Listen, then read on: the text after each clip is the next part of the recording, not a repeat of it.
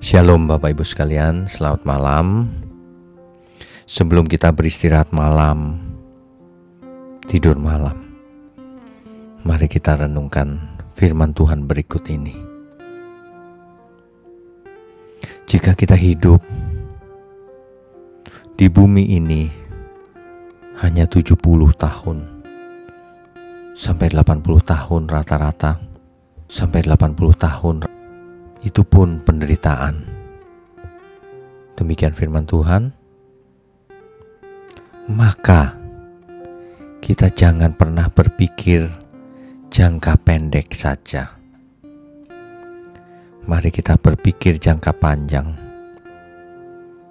Yang saya maksud adalah bukan jangka panjang 10 tahun, 15 tahun, bukan. Tapi jangka panjang itu sampai kehidupan di balik kubur. Sampai pada kekekalan. Mari kita berpikir maksimal, berorientasi pada kekekalan, sehingga setiap langkah hidup kita hari ini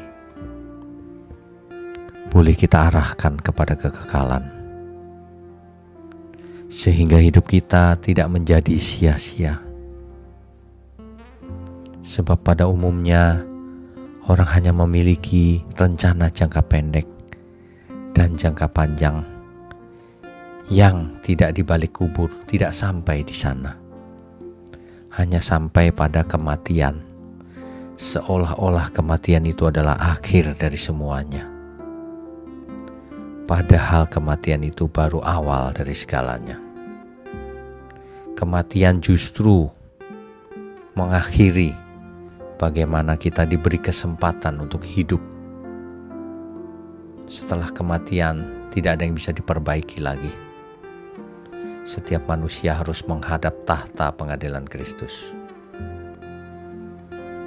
Itulah sebabnya, Bapak Ibu sekalian, malam ini mari kita berpikir secara jernih bahwa kita harus berorientasi sampai kekekalan bukan hanya hari ini, bukan hanya dalam hidup ini, tapi hidup setelah kubur,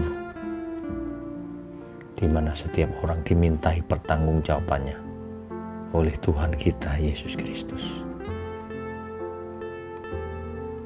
Kiranya kebenaran ini boleh menyadarkan kita bahwa jangan sampai kita hidup seperti orang bebal tapi hidup seperti orang yang arif, sebagai orang yang bijaksana, yang setiap langkah hidup kita kita arahkan untuk kekekalan. Kita persembahkan bagi Tuhan kita, sehingga kita boleh istirahat malam, tidur dengan tenang, sebab kita tahu Roh Allah yang Maha Tinggi ada bersama kita. Kiranya kebenaran ini boleh menemani kita tidur malam. Selamat beristirahat, selamat tidur Bapak Ibu sekalian. Tuhan Yesus memberkati. Amin.